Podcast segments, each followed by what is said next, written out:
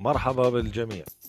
طبعا زي ما أنا وعدتكم أنه أحكي اليوم عن الأحياء الدقيقة.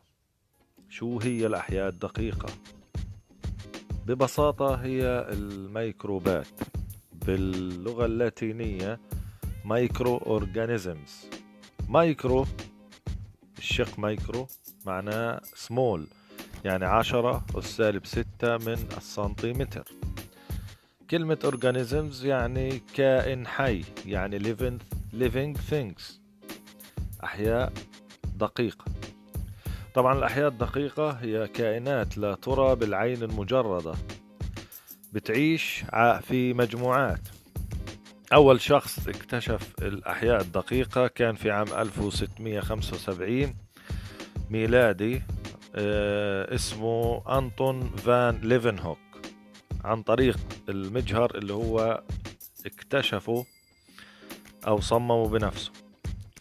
طبعا بدنا نحكي عن الأحياء الدقيقة حاليا باستفاضة أو بشكل عام وبعدين راح إحنا نفصلها آه، كل واحدة على حدة. طبعا أول آه، أول مجموعة من الكائنات الدقيقة اللي هي الجراثيم أو البكتيريا.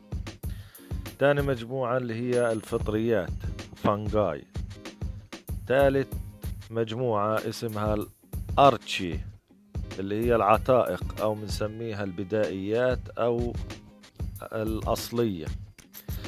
رابع مجموعة اللي هي الأوليات أو آه، بروتوزوا. طبعا في مجموعة اللي هي النباتات الدقيقة أو الطحالب الخضراء. طبعا في حيوانات كمان دقيقة زي العوالق والمستورقات. طبعا هنحكي عنها كلها هي طبعا في الأخيرة اللي هي الفيروسات. الفيروسات طبعا البعض يعتبرها من الأحياء الدقيقة والبعض الآخر لا يعتبرها من الأح... من ضمن تصنيف الكائنات الحية الدقيقة.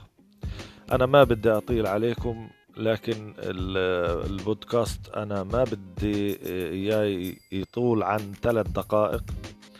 فمعلش سامحوني أنا حفصل كل شيء في وقته.